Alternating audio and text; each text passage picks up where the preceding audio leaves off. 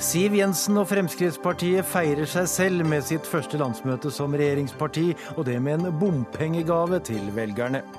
Situasjonen i Ukraina er kritisk, sier Ukraina-forsker. Ukrainske militærhelikoptre skutt ned. Nå krever Russland møte i FNs sikkerhetsråd. LO-topper er sure på FrPs Solveig Horne, og vil knapt kalle henne likestillingsminister. Oppgjøret tar de her i Dagsnytt 18.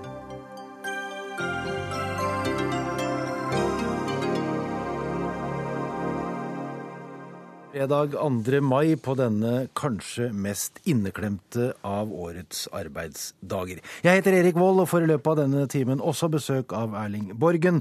Han mener at TV 2s nye satsing er søppel-TV. I dag startet altså Fremskrittspartiets landsmøte på Gardermoen. 300 delegater fra hele landet er i helgen samlet for første gang siden Fremskrittspartiet gikk inn i regjeringen. Og med oss fra Gardermoen har vi lederen Siv Jensen, finansminister Siv Jensen. God ettermiddag og velkommen. Tusen takk for det. I Politisk kvarter i dag morges sa du at du forventet et spark på leggen fra et sultent og utålmodig parti, som gjerne vil se flere og større endringer med Frp i regjering. Har du fått mye kritikk? Nei, dette er et parti som er veldig stolt. Men det er klart det er også mye sult på at vi skal fortsette å levere enda mer av det vi er godt i gang med. Jeg hører jo at folk er både kjempefornøyd og ønsker seg enda mer.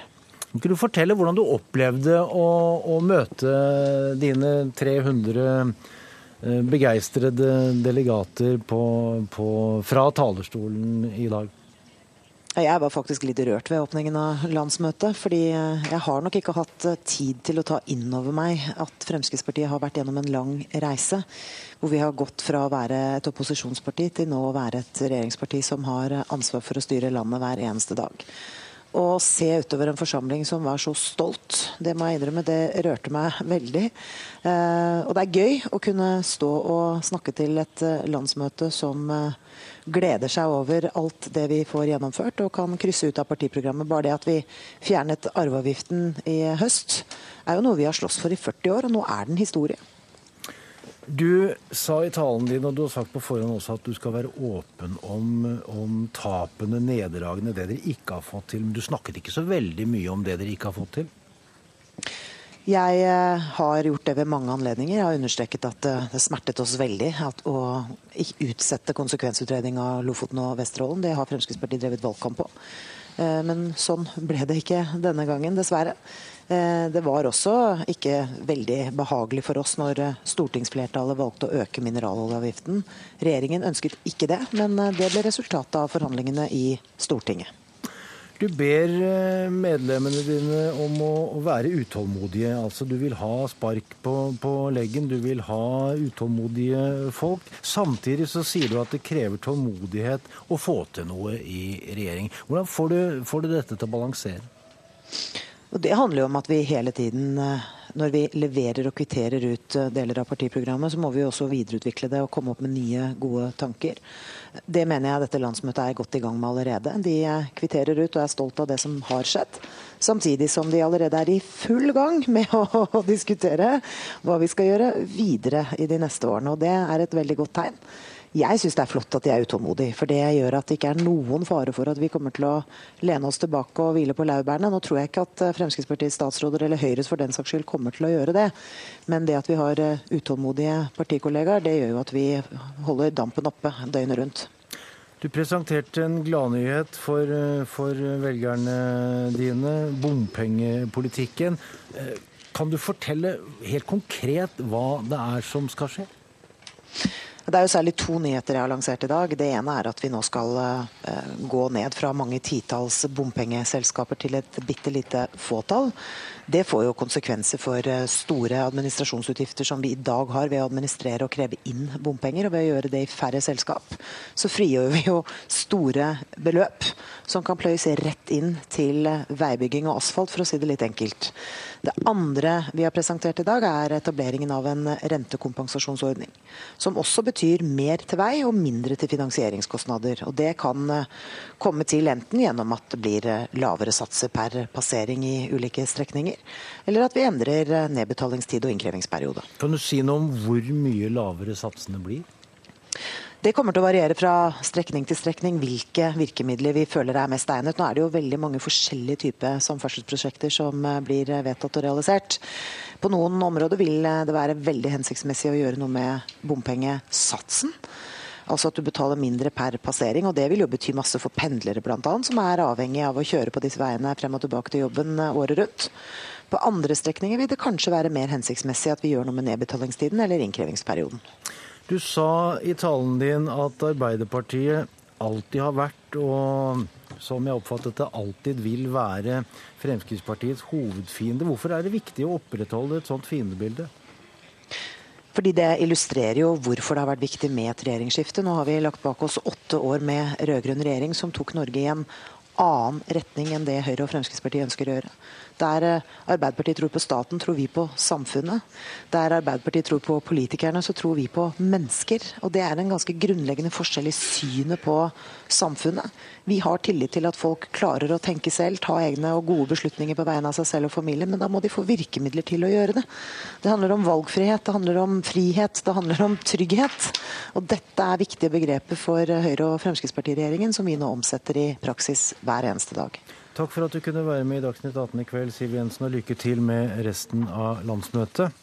Du skal eh, bytte plass med din nestleder eh, Per Sandberg der oppe på Gardermoen. Og så skal jeg eh, ønske velkommen til stortingsrepresentant for Arbeiderpartiet Jonas Gahr Støre her i studio på Marienlyst. Og Jonas Gahr Støre, Siv Jensen er altså opptatt av at det er Arbeiderpartiet som fortsatt er hovedfienden til Fremskrittspartiet. Hvordan ser du på det? Jeg var lei, lei meg for at hun gikk akkurat uh, når jeg kom inn i studio, men uh, Nei, du skal få lov å diskutere med Per Sandberg. Ja, da, jeg, ser, jeg ser frem til det. Jeg vil jo for det første gratulere Frp med landsmøtet. Det er en stort for et parti. Jeg syns det var en uhyre tynn analyse hun kom med der. Så det er nesten ikke mulig å ta tak i. Men at hun har behov for å tegne sosialdemokratiet som hovedmotstanderen til Frp, det kan jeg i og for seg forstå. Fordi at visjonen om frihet for mennesker, Eh, arbeid til mennesker, trygghet til mennesker, det står Arbeiderpartiet for. Jeg mener vi har levert et samfunn gjennom de årene vi har vært med å styre, som scorer høyt på det. Fremskrittspartiet har en annen tilnærming, og hun sa i mange år Siv Jensen, at hun ville et helt annet samfunn. Uh, jeg syns ikke vi ser så veldig mye av det helt andre samfunnet etter et halvt år i regjering. Hun har brukt hele dette innslaget med deg om å snakke om bompenger, viktig nok, men det er liksom ikke det fullstendig andre samfunnet. Eh, men at de kommer tilbake igjen til oss som eh, hovedfienden, det skal vi ta med og egentlig ikke dukke unna. Ok, Så til eh, Per Sandberg, som altså da på tirsdag sa at Fremskrittspartiet enkelt og greit kunne gå til Arbeiderpartiet for å sikre flertall for innvandringspolitikken, hvis Venstre og Kristelig Folkeparti ikke ville være med på. Men det frieriet, det avviste du ganske kontant. Jo, men det, det er jo først litt morsomt, dette da, for da har de brukt et helt landsmøte på å skjelle ut oss som hovedfienden. Og så er det politiske utspillet at de vil komme til oss for å finne løsninger de ikke finner med sine partnere.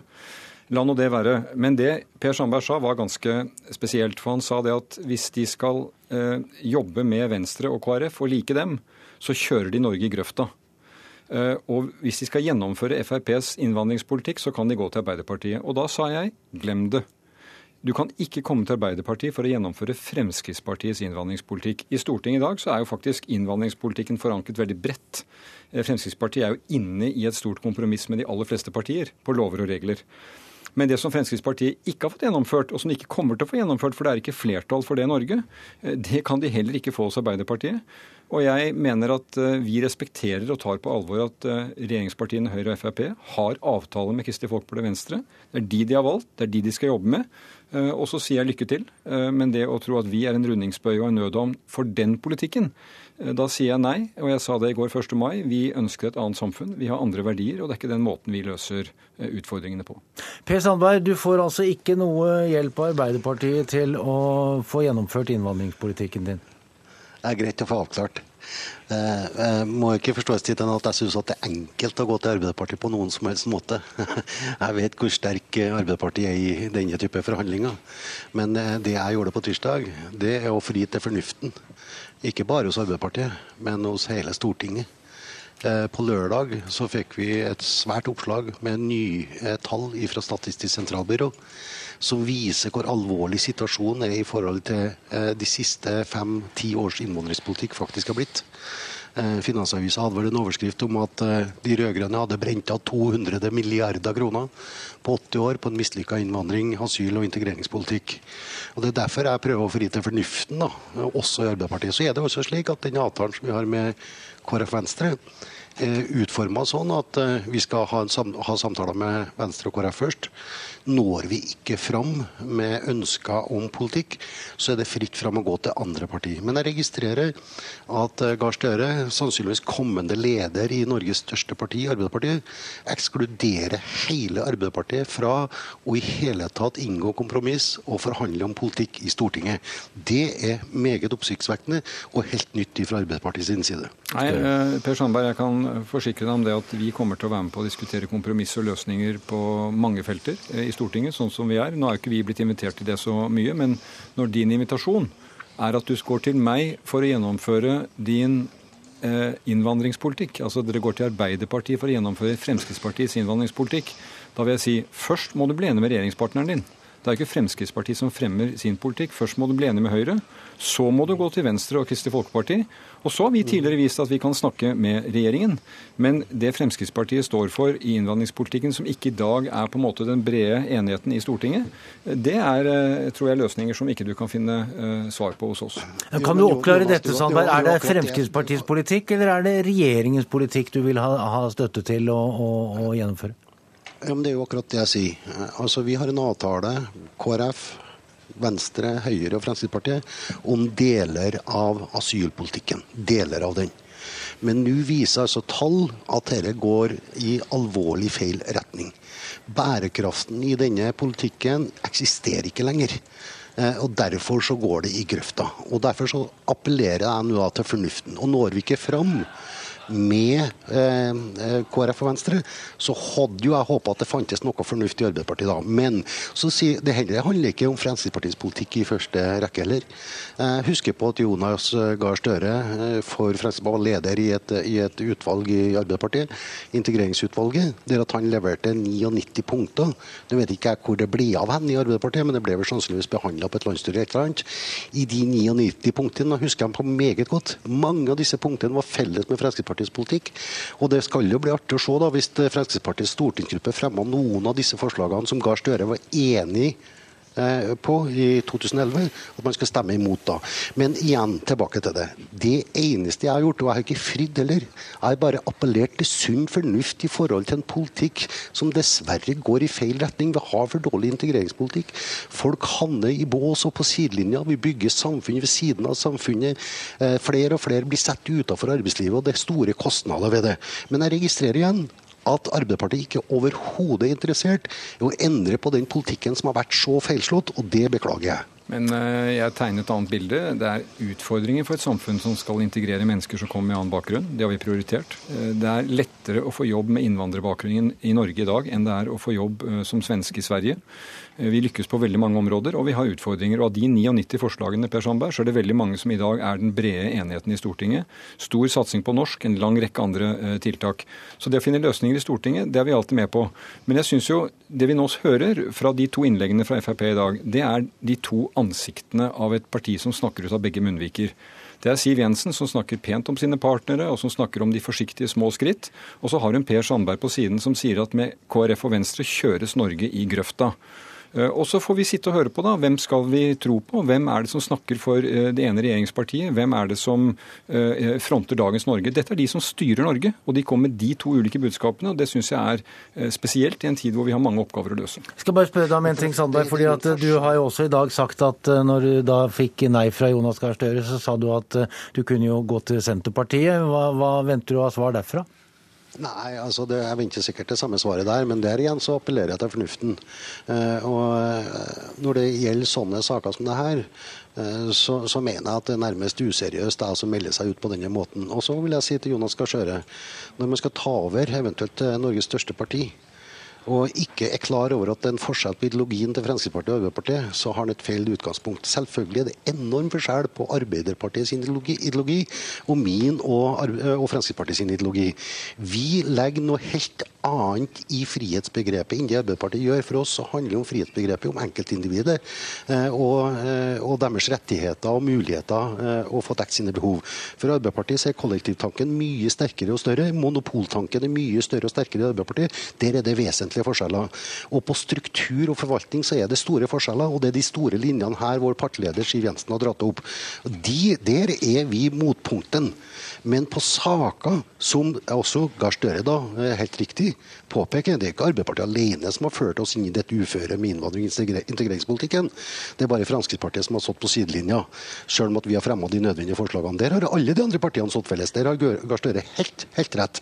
Men da er det jeg appellerer, når vi nå da får presentert eh, resultatene etter de siste ti års politikk, og vi ser hvilke okay. konturer og muligheter vi har framover nå, så må, må det finnes noe fornuft på ti sekunder, ja, så skal jeg ha med meg Senterpartiets leder også. Vi, vi, begynte da med å få dokumentert hvor elendig det går med Norge, basert på et oppslag i, i Finansavisen. Det står mye fornuftig der, men jeg tror vi må gå litt grundigere til verks. Og så er jeg helt enig, Sandberg. Vi har ulike syn eh, på eh, individuell frihet. Det er noe som heter frihet til, og det heter frihet fra. Og jeg mener at arbeiderbevegelsen, sosialdemokratiet, har gitt eh, nordmenn i det store flertall eh, individuell frihet, eh, men det er ved å ta i bruk det fellesskapet kan gi oss av trygghet og tilhørighet.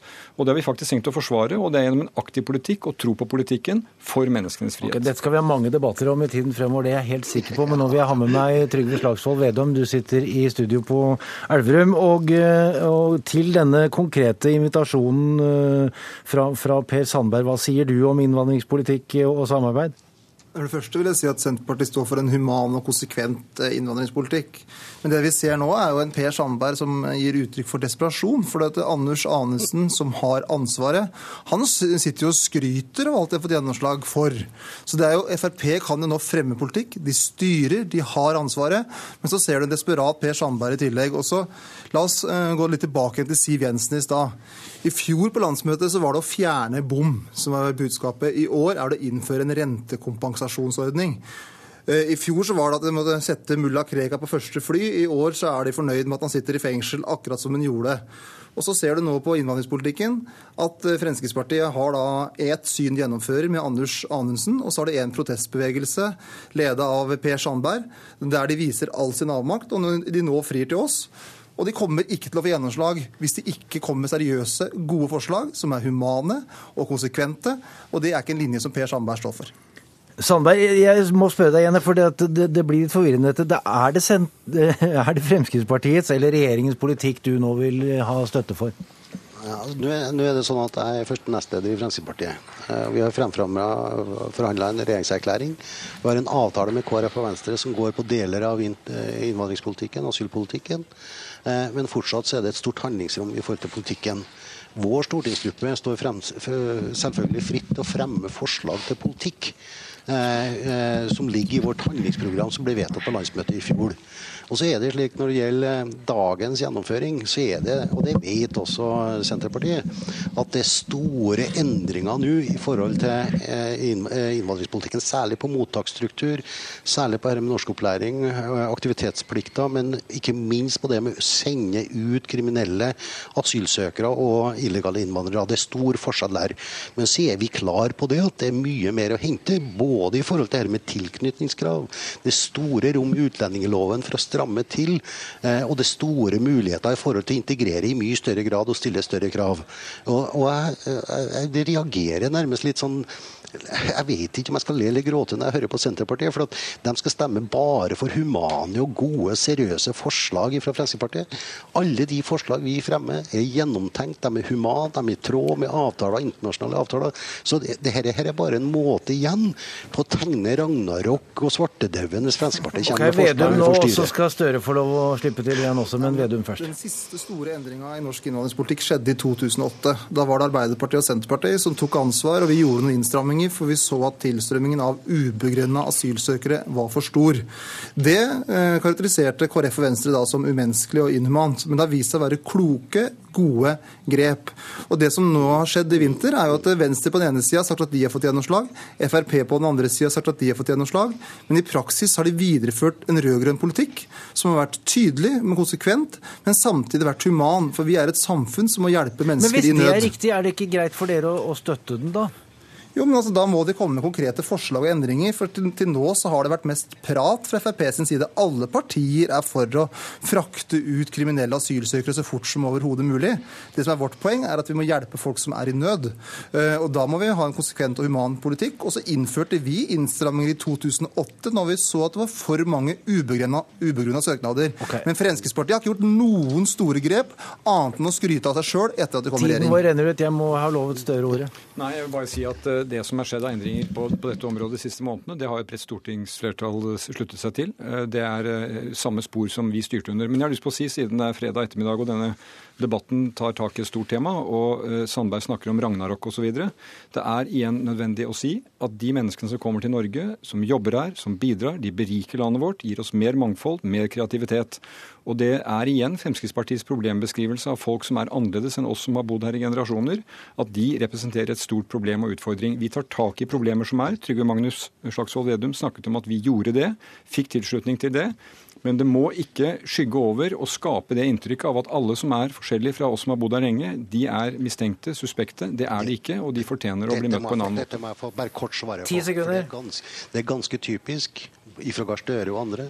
Jeg har ikke snakka om folk, jeg har ikke snakka om ulikheter, men jeg snakka om politikk og strukturer som Jonas Gahr Støre står for, og som dessverre er sånn at det skaper store forskjeller og setter mennesker i en vanskelig situasjon. Jeg snakka om strukturer og politikk, den politikken som Gahr Støre står for, ikke folk og mennesker. Men du er mer opptatt av struktur enn av Ja, mennesker. da fikk likevel Jonas Gahr Støre tilkjempet seg siste ord, men uansett så setter vi strek. Takk til Jonas Gahr Støre, til Per Sandberg og til Trygve Slagsvold Vedum.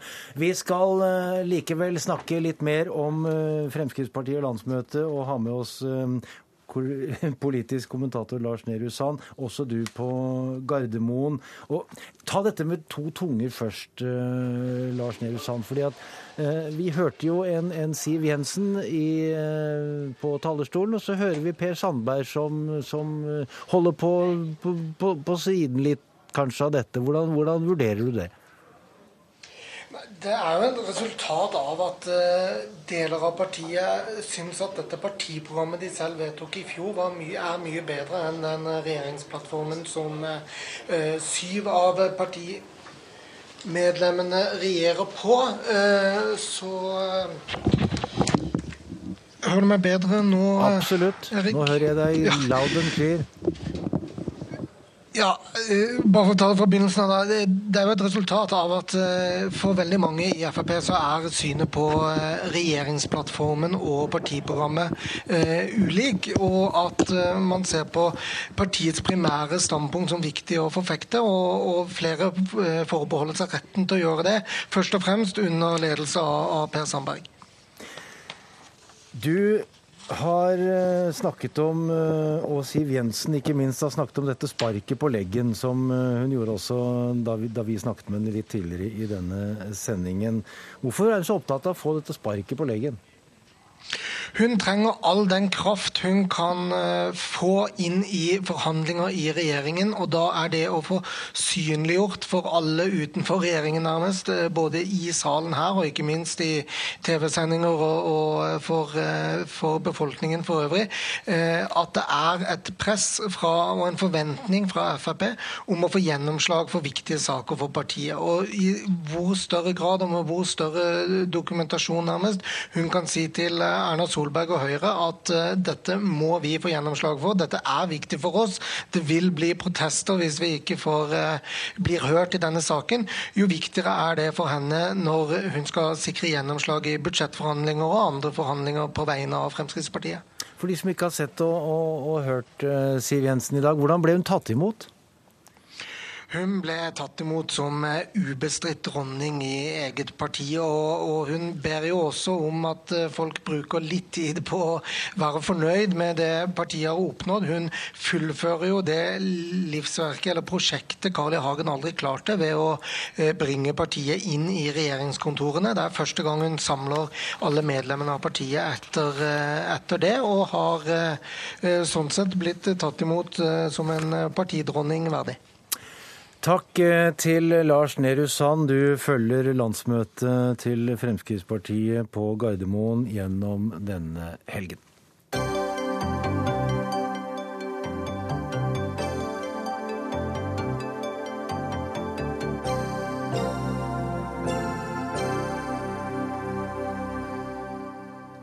Ukrainske styrker har iverksatt en omfattende operasjon for å gjenerobre byen Slavjansk øst i Ukraina. Separatister skal ha skutt ned to ukrainske militærhelikoptre og drept to flygere i dag tidlig. BBC melder nå at flere pro-russiske opprørere er blitt drept i Slavjansk, og Russland krever et møte i FNs sikkerhetsråd om det ukrainske angrepet. Og vi har med oss fra Moskva Russland-korrespondent Hans-Wilhelm Steinfeld. Hvordan vurderer du dette? Russiske trekket? Jeg ser på den retorikken som nå kommer ut fra den russiske utenriksledelsen, som går på to ting. Den krever at vestmaktene skal stanse de ukrainske militære aksjonene, samtidig som det russiske UD anklager vestmaktene for å stå bak de samme aksjonene. Eh, flere nordiske ambassadører har rapportert hjem i ettermiddag at faren for en russisk invasjon er overhengende i Sørøst-Ukraina, og at denne retorikken etableres for å være en unnskyldning for en slik russisk mulig invasjon i Sørøst-Ukraina. Moskva har erklært Genéve-avtalen fra april som skulle få opprørerne til å legge ned våpnene for død. Hva betyr det? Det betyr at russerne eh, selvfølgelig har spilt med falske kort, i den forstand at de aldri gjorde det minste forsøk på å etterleve sin del av denne avtalen.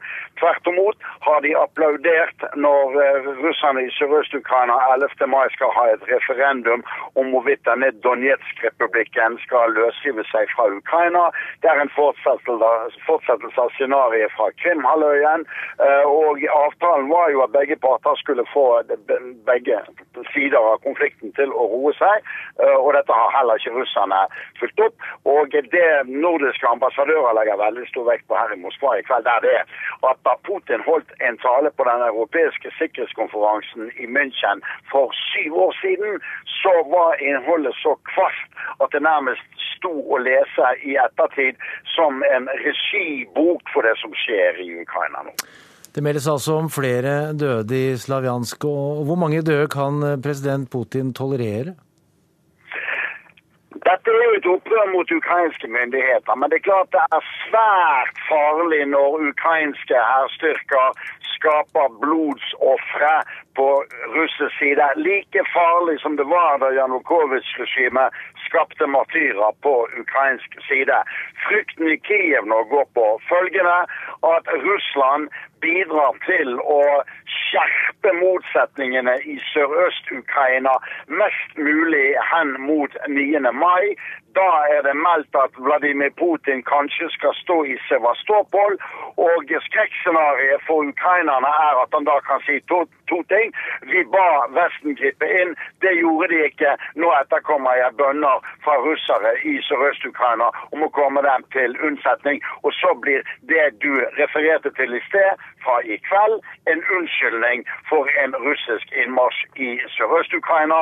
Og da har vi den verste krisen i europeisk politikk siden invasjonen av Tsjekkoslovakia 21.8.1968. Takk så langt til deg, korrespondent Hans-Wilhelm Steinfeld. Du skal være med i Dagsrevyen om en drøy halvtimes tid.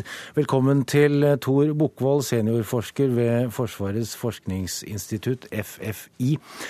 Ja, Hvor alvorlig er situasjonen i Ukraina, slik du ser det? Ja, Den er akkurat så alvorlig som Steinfeld sa i reportasjen. Hvis det blir krig, så er det, så er det ganske ekstremt. Og det er en helt reell fare for at det blir krig. Vi vet jo ennå ikke om det er det Moskva ønsker. Det er altså en ganske stor avgjørelse for den russiske ledelsen nå å gå over grensa med, med pansra kjøretøy og begynne å ta over kontrollen over deler av landet. Da hadde ukrainske myndigheter sagt at de vil svare med det de har, og da har du en veldig, veldig blodig situasjon. Så det er ikke noe man gjør det lett, tror jeg, i Moskva, men, eh, men det er fullt mulig at de, eh, at de, vurderer å gjøre det. Var det uklokt av eh, regjeringen i Kiev, altså den ukrainske regjeringen, å sende militære styrker til denne regionen? Det, om det er klokt eller ikke, det vet man egentlig kun i etterkant når man ser resultatet av det. Hvis det her skulle resultere i at man faktisk får snudd trenden som var i øst, og at på en måte får til initiativet fra opprørerne og det ikke blir noe russisk invasjon, så vil jo det her framstå som ganske smart. Men eh, hvis det blir motsatt, altså hvis de, eh, enten hvis man ikke klarer å få kontroll over, bedre kontroll over opprørerne, eller det blir en russisk invasjon, så kan man lure på om det her var smart. Jeg tror at jeg tror det er kanskje to årsaker til at man gjorde det her nå. Det ene er at man har bygd opp kapabiliteten til å gjøre den type ting over de siste ukene. Det er tydelig at det hadde man ikke før. Eh, og det andre er at herrene som har okkupert bygninga i øst, de sto ikke bare rolig i de bygningene, men de gikk ut på gata. De eh, tok gisler, som vi vet, og, og gisler fra vestlige land, gisler fra andre land. Eh, I tillegg til ukrainere, og de behandla det ikke disse gislene bestandig helt pent. Så det var på en måte et spørsmål ikke lenge ukrainske myndigheter kunne akseptere at sånt foregikk på ukrainsk jord. Separatistene har også skutt ned to ukrainske helikoptre. Hva sier dette om, om kapasiteten til eh, disse separatistene? Ja, Det sier i hvert fall at det Russland har påstått om at det her er fredelige demonstranter som eh, bare står og krever, har politiske krav, det, altså det er ikke fredelige demonstranter som skjøt ned militærhelikopter. Sannsynligvis er de skutt ned med såkalte manpads. Det er altså en type våpen som du ikke får kjøpt i butikken. Det er, det er fremdeles våpen som bæres eh, av enkeltpersoner, men er, du må ha kontakter for å få tak i den type ting. Så det sier noe om at dem som står bak det her, er både militært trena og rimelig godt militært utstyrt. Altså langt unna det man kan snakke om som normale demonstranter. Krig høres jo utrolig skremmende ut. Hva, hva, hva, snakker vi om når vi snakker krig i denne sammenhengen her? Det blir også spekulativt foreløpig, selvfølgelig. Ehm, men man kan snakke om en det er mulig at det kan bli en krig, altså en høyintensitetskrig à la det vi så mellom Russland og Georgia i 2008 f.eks. Det er fullt mulig. Da varte jo den ganske kort tid. Ehm, det er ikke sikkert at hvis det her skjer i Ukraina, at det vil vare like kort tid.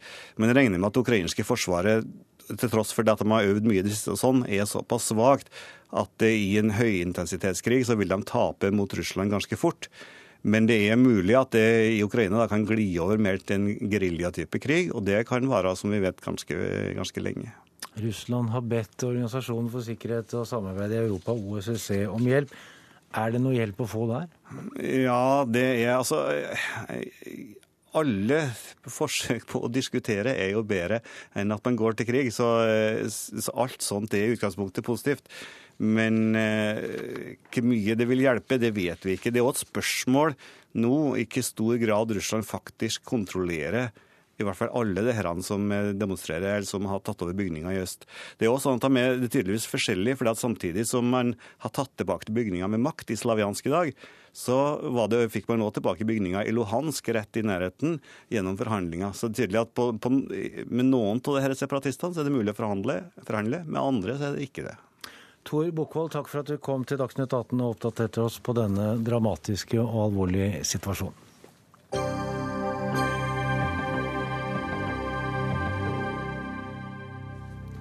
Under 1. mai-feiringen i Oslo i går gikk LO-leder Gerd Kristiansen til angrep på verbalt på likestillingsminister Solveig Horne. La oss høre hva hun sa. Og nå vil Solveig Horne, som jeg knapt kan kalle for likestillingsminister, fjerne likestillingsloven. Ja, Peggy Hessen Følsvik, førstesekretær i LO, velkommen. Hvorfor mener dere i LO at Solveig Horne ikke er ordentlig likestillingsminister?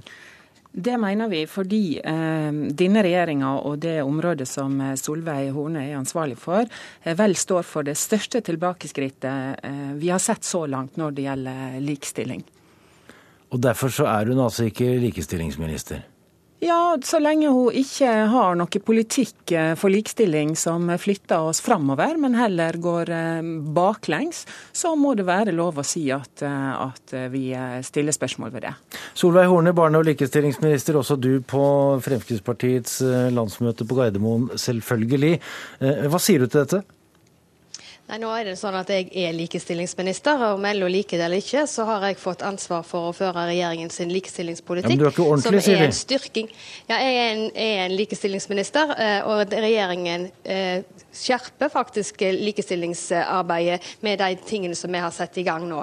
Det vi har gjort, er å styrke likestillingen med å skape et bedre diskrimineringsvern for alle, når vi samler nå alt i en egen lov, samtidig som vi òg setter ned og jobber med en, en ny likestillingsmelding. Så det å si at uh, denne regjeringen eh, ikke satser på likestilling, da har altså ikke LO fulgt med i timen. Denne regjeringa starta med å trekke stortingsmeldinga som heter 'Likestilling kommer ikke av seg sjøl', som den forrige regjeringa hadde lagt fram. Med det så trakk de også midlene som var avsatt til å jobbe bl.a. med likestilling i arbeidslivet. Så reduserte de pappapermen, så økte de kontantstøtten, så ga de mindre til barnehageutbygging, og så vil de nå fjerne likestillingsloven. Og oppi alt det her kom altså angrepet på abortlova gjennom reservasjonsretten for fastleger. Så hvis Solveig Horne eh, mener at det er å gå et steg framover i likestillingsdebatten, ja da er jeg sterkt uenig med henne. Horne? Det tror jeg vi skal oppklare veldig klart at det er ingen som skal fjerne noe likestillingslov her, men vi skal gjøre den sterkere. Og Diskrimineringslovutvalget som leverte sin utredning i 2009, sa helt klart at det er og anbefalte oss om å ta dagens likestillingslov og de andre diskrimineringslovene som vi har, og samle de i én lov. men det skal ikke hete likestillingslov lenger?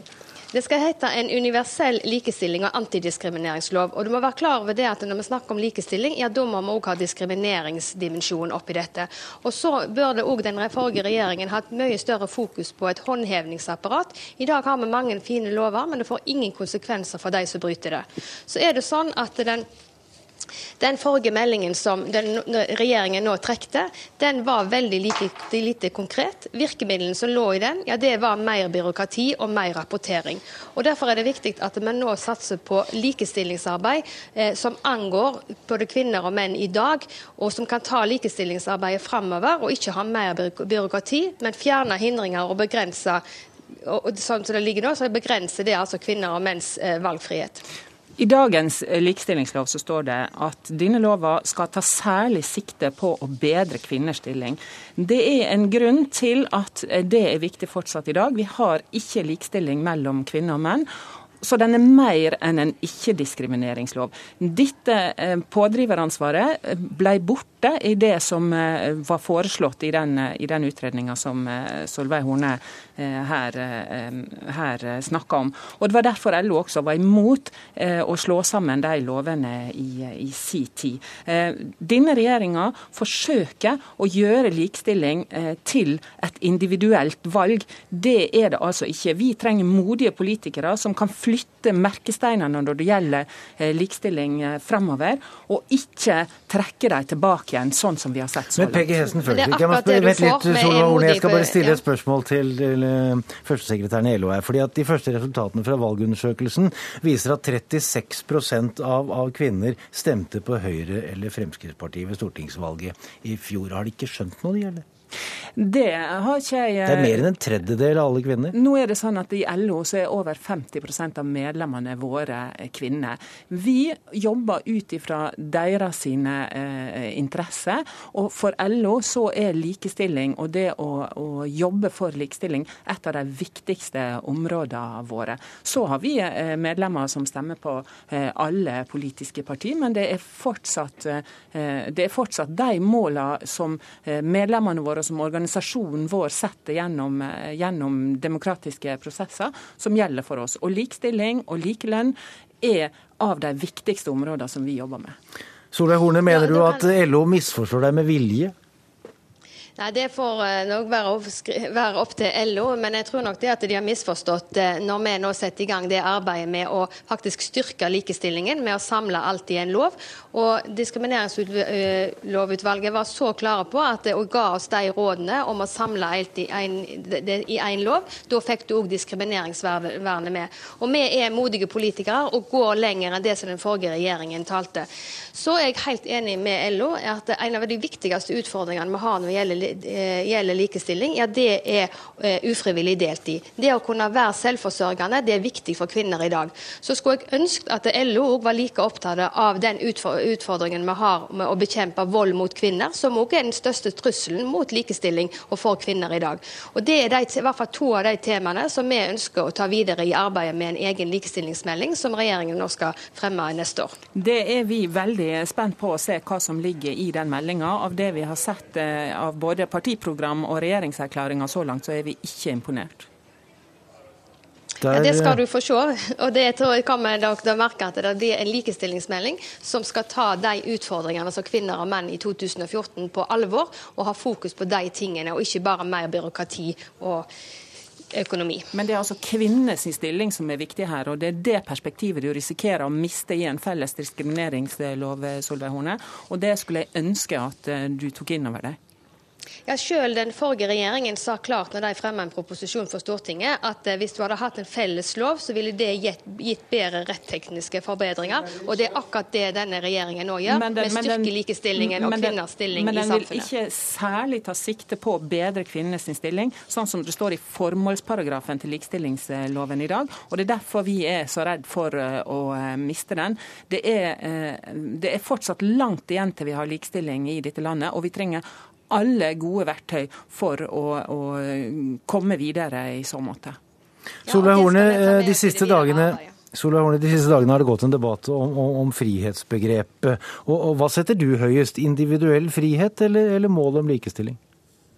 Jeg ønsker å ha individuell frihet. For det at frihet for eh, meg og for deg, det er viktig. Det er frihet for familiene.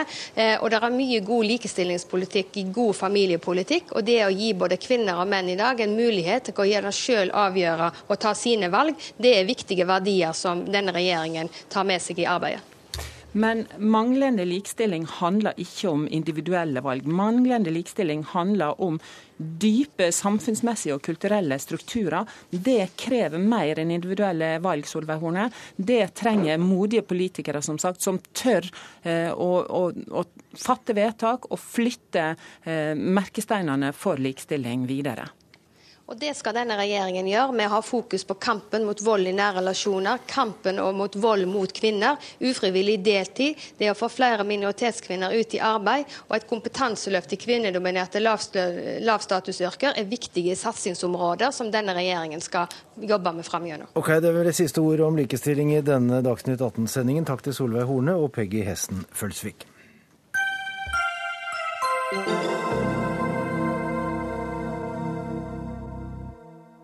På dagen i dag for tre år siden ble USAs fiende nummer én, hjernen bak terrorangrepene på World Trade Center 11.9.2001, skutt og drept av amerikanske spesialstyrker. Og med det, ti år etter at den daværende amerikanske presidenten George W. Bush erklærte krig mot terror, var hovedmålet for denne krigen, altså Osama bin Laden, ryddet av banen. Og forsker ved Institutt for forsvarsstudier, Anders Romarheim, hvorfor var likvideringen av Osama bin Laden viktig for krigen mot terror? Ja, Det er flere grunner. Eh, det hadde veldig stor betydning for det amerikanske folk. Han var utropt eh, til deres verste fiende. Han tok på seg skylden for å drepe opp mot 3000 mennesker i eh, New York og Washington og i Pennsylvania. Og man fikk på en måte ikke 'closure', som de sier på amerikansk. Man kom seg ikke helt videre før man hadde fått eh, has på bin Laden. Samtidig så ble det jo litt spesielt når det var jubelscener i Washington og New York, og mange som på en måte lot følelsen slippe løs. Og når noen blir drept og andre feirer, så kan man jo få en litt uh, emmen smak i munnen av det. Så var det vel det at vi fikk vel aldri sett liket De, det forsvant bare? Ja, Det har overraska meg veldig. Eh, jeg syns det er oppsiktsvekkende at eh, den amerikanske eh, stat har klart å holde på de bildene, og at de ikke har lekket ut. Tenk deg hvilken enorm interesse det ville ha som å være den første til å vise de bildene. Det er, det er godt gjort, rett og slett. Og det kan, man, eh, det kan, hende de dukker opp når det har gått litt lengre tid. Det vil jo vise seg. Når det ikke er så sensitivt eh, med tanke på ytterligere angrep. For det er klart, det vi kan trigge voldsomme følelser i radikale islamistiske miljøer. Men er krigen mot terror med dette vunnet nå tre år etter? Det er et godt spørsmål. Eh, jeg vil ikke si den er vunnet nødvendigvis, men jeg, jeg, mener at krigen mot terror er over. Og den forskningen som jeg holder på med nå om krigen mot terror, den viser hvordan retorikken har endra seg. Eh, og etter etter 2011 eh, så, så, begynte Obama å lykkes med noe han prøvde med helt fra start, nemlig å komme denne metaforen krig mot terror til livs. Han har vært veldig nøye helt fra de første dagene av presidentperioden sin med å snakke om en krig mot Al Qaida. Mye snevrere definert mål. Eh, det tok lang tid før på en måte hele den amerikanske staten fulgte litt etter. Og når vi nå får et terrorangrep i Boston eh, for et drøyt år siden, så ser vi jo da at retorikken allikevel ikke tas opp, selv om de var inspirert av eh, spesielt Anwar al-Awlaki, som eh, var sentral i Al Qaida på den arabiske halvøy. Så du kan kalle det et Al Qaida-angrep om du ønsker, men allikevel så ble krig mot eh, terrorretorikken ikke særlig fremtredende. Og I går så sendte det amerikanske utenriksdepartementet ut sin vurdering av terrortrusselbildet og advarte mot en ny generasjon terrorister. Og USA-korrespondent Anders Tvegård, hvem er det det amerikanske utenriksdepartementet da mener? Det er de tusenvis av utenlandske unge krigere og kamplystne som reiser til Syria for å kjempe. De utnytter makt, maktvakuum og kaos og får seg krigserfaring.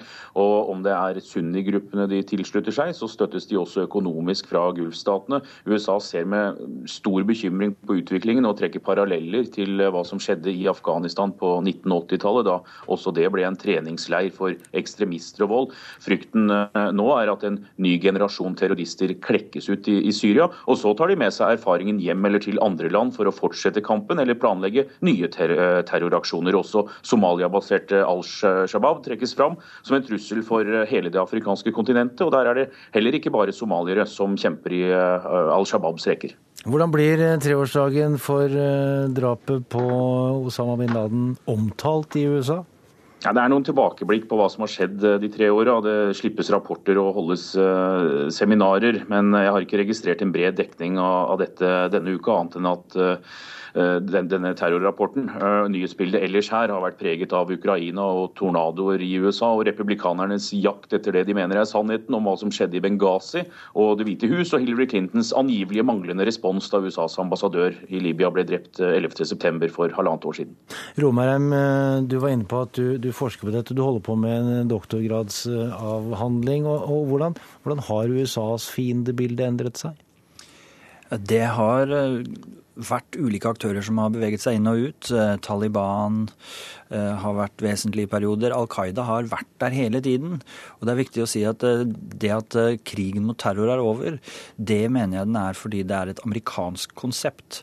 Det betyr ikke at Al Qaida er slått og at de opphører å eksistere. Al Qaidas krig den kaller jo de typiske jihad mot den sionistiske korsfareralliansen. Det er deres krig. Og den er ikke helt over, men det er noe annet enn krigen mot terror, som er det største eh, kontraterrortiltak noensinne. Det er voldsomt overgripende. Så Saddam Hussein var en fiende underveis også, og Irak eh, Det er jo ikke stabilt der heller. Eh, så det er et broket bilde når man skal ta opptelling hva man oppnådde og ikke. Og så hører vi Tvega snakke om de, som da, de mange som, som reiser til, til Syria. De reiser ved Norge også? Absolutt. Og, og, skulle det komme en ny fase i krigen mot terror, skulle den vekkes til live igjen, noe jeg tviler veldig sterkt på at en demokratisk eh, president vil gjøre. Det er nå et republikansk konsept, dette. Krigen mot terror er Bushs store eh, signaturpolicy. Det som definerte hele presidentskapet hans. Eh, Syria er en stor bekymring. Eh, og det er klart, Irak lagde store problemer når man gikk inn der, og krigen i Afghanistan har vært vanskelig. Men å stå på sidelinjen, slik Vesten og USA har valgt i Syria, har også konsekvenser som ikke nødvendigvis er eh, heldige og, og entydig gode. Anders Tvegård, vi, vi, spør jo ofte da dere korrespondenter om hvordan, hvordan den jevne amerikaner eh, vurderer dette. Men og, derfor spør jeg, altså, er, er folk flest nå mer eller mindre bekymret for terror?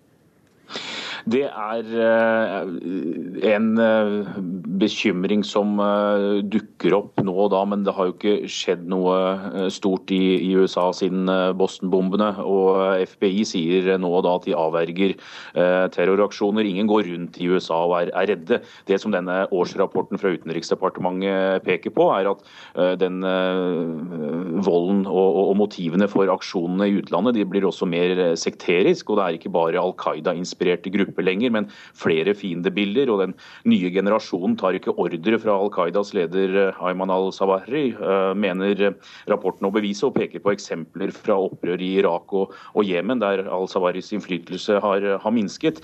Eh, så det er ikke det at det er en frykt for et angrep på det amerikanske kontinentet, men det er altså en rekke nye militanter, celler eller grupper i Midtøsten og, og Afrika, og, og det truer amerikanske interesser interesser, og også USAs allierte, eh, mener Utenriksdepartementet her. Anders Romerheim, til slutt. Eh, har vi i Vesten et felles fiendebilde? Det er vanskelig å svare på. Eh, det er Syria angår oss alle. Og nå var Tvegård innpå her eh, hvorvidt eh, storstilt terrorisme mot eh, det amerikanske kontinentet er, er, en akutt trussel. Jeg tror nok Syria er et like stort problem for Europa som USA. Og da kan vi tenke tilbake på den fasen 2004-2005, når vi hadde angrepene i Madrid og London. Det er et globalt tiltak, det, den kampen som Al Qaida fronter mot Vesten i alle dets fasetter. Takk til Anders Romarheim. Takk til Anders Tvegård.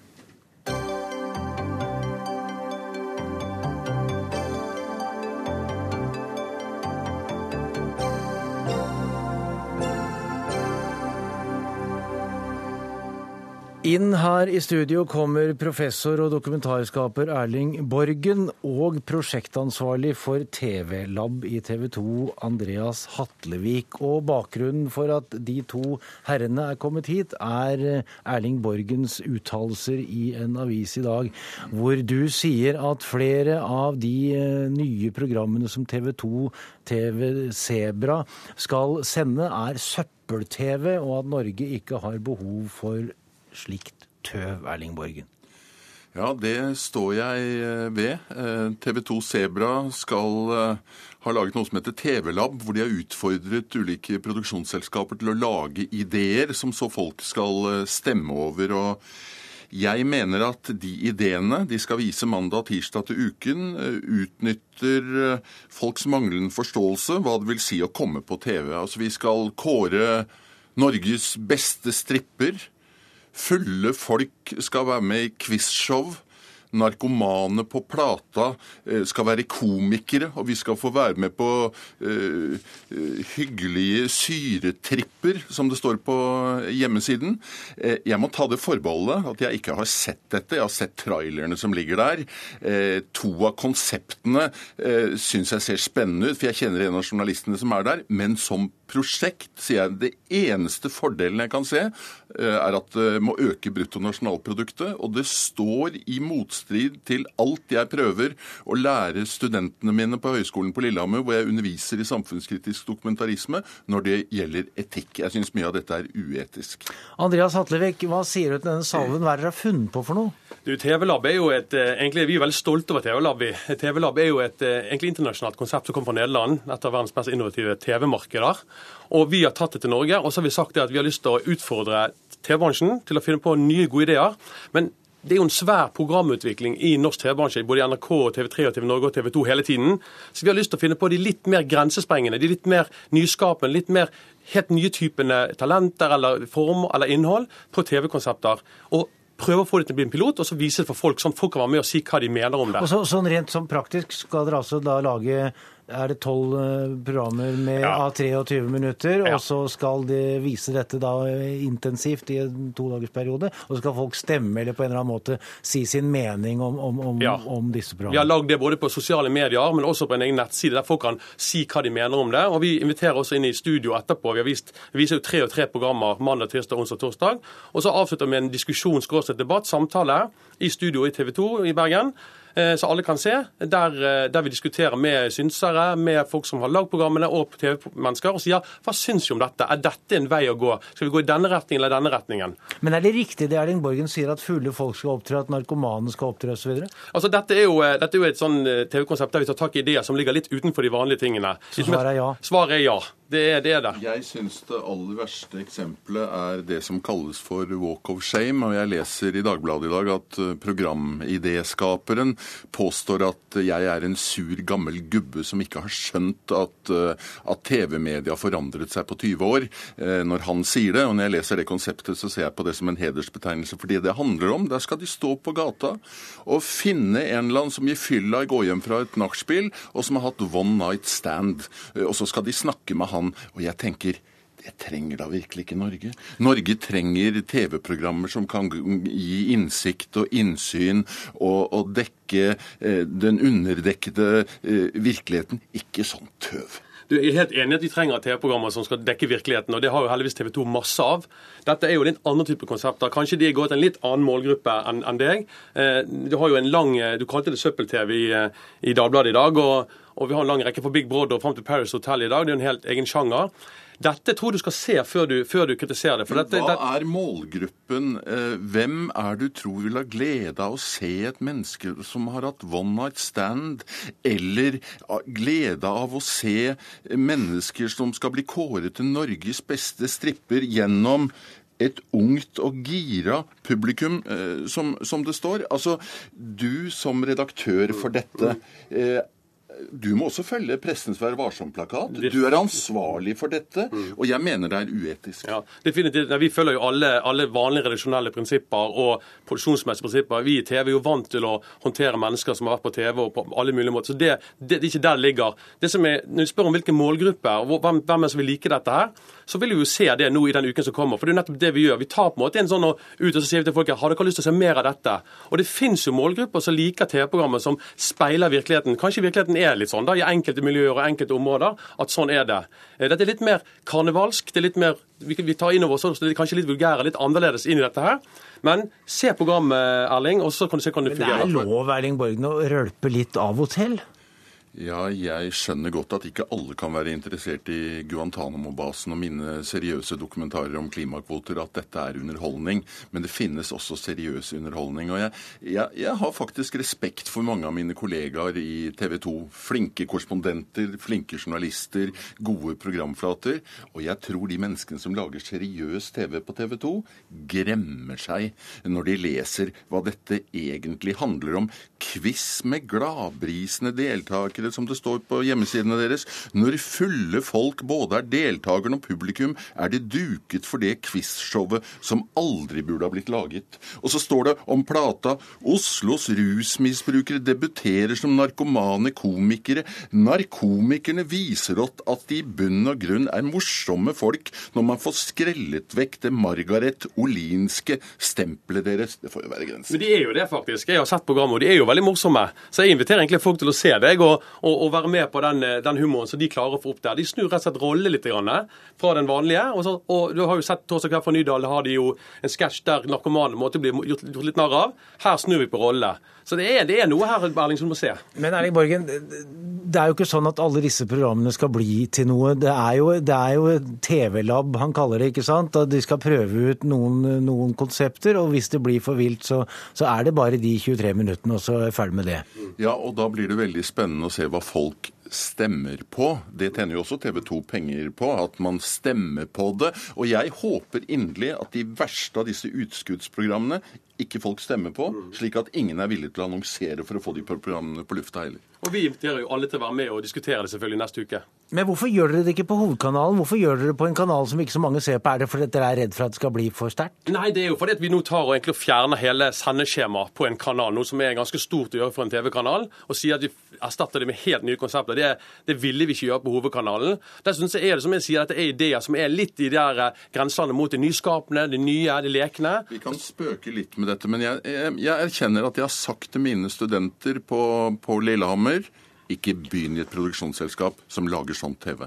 Takk til dere to. Eivind Våge har vært eh, redaktør for denne sendingen. Finn Lie, teknisk ansvarlig. Jeg heter Erik Vold. Takk for nå.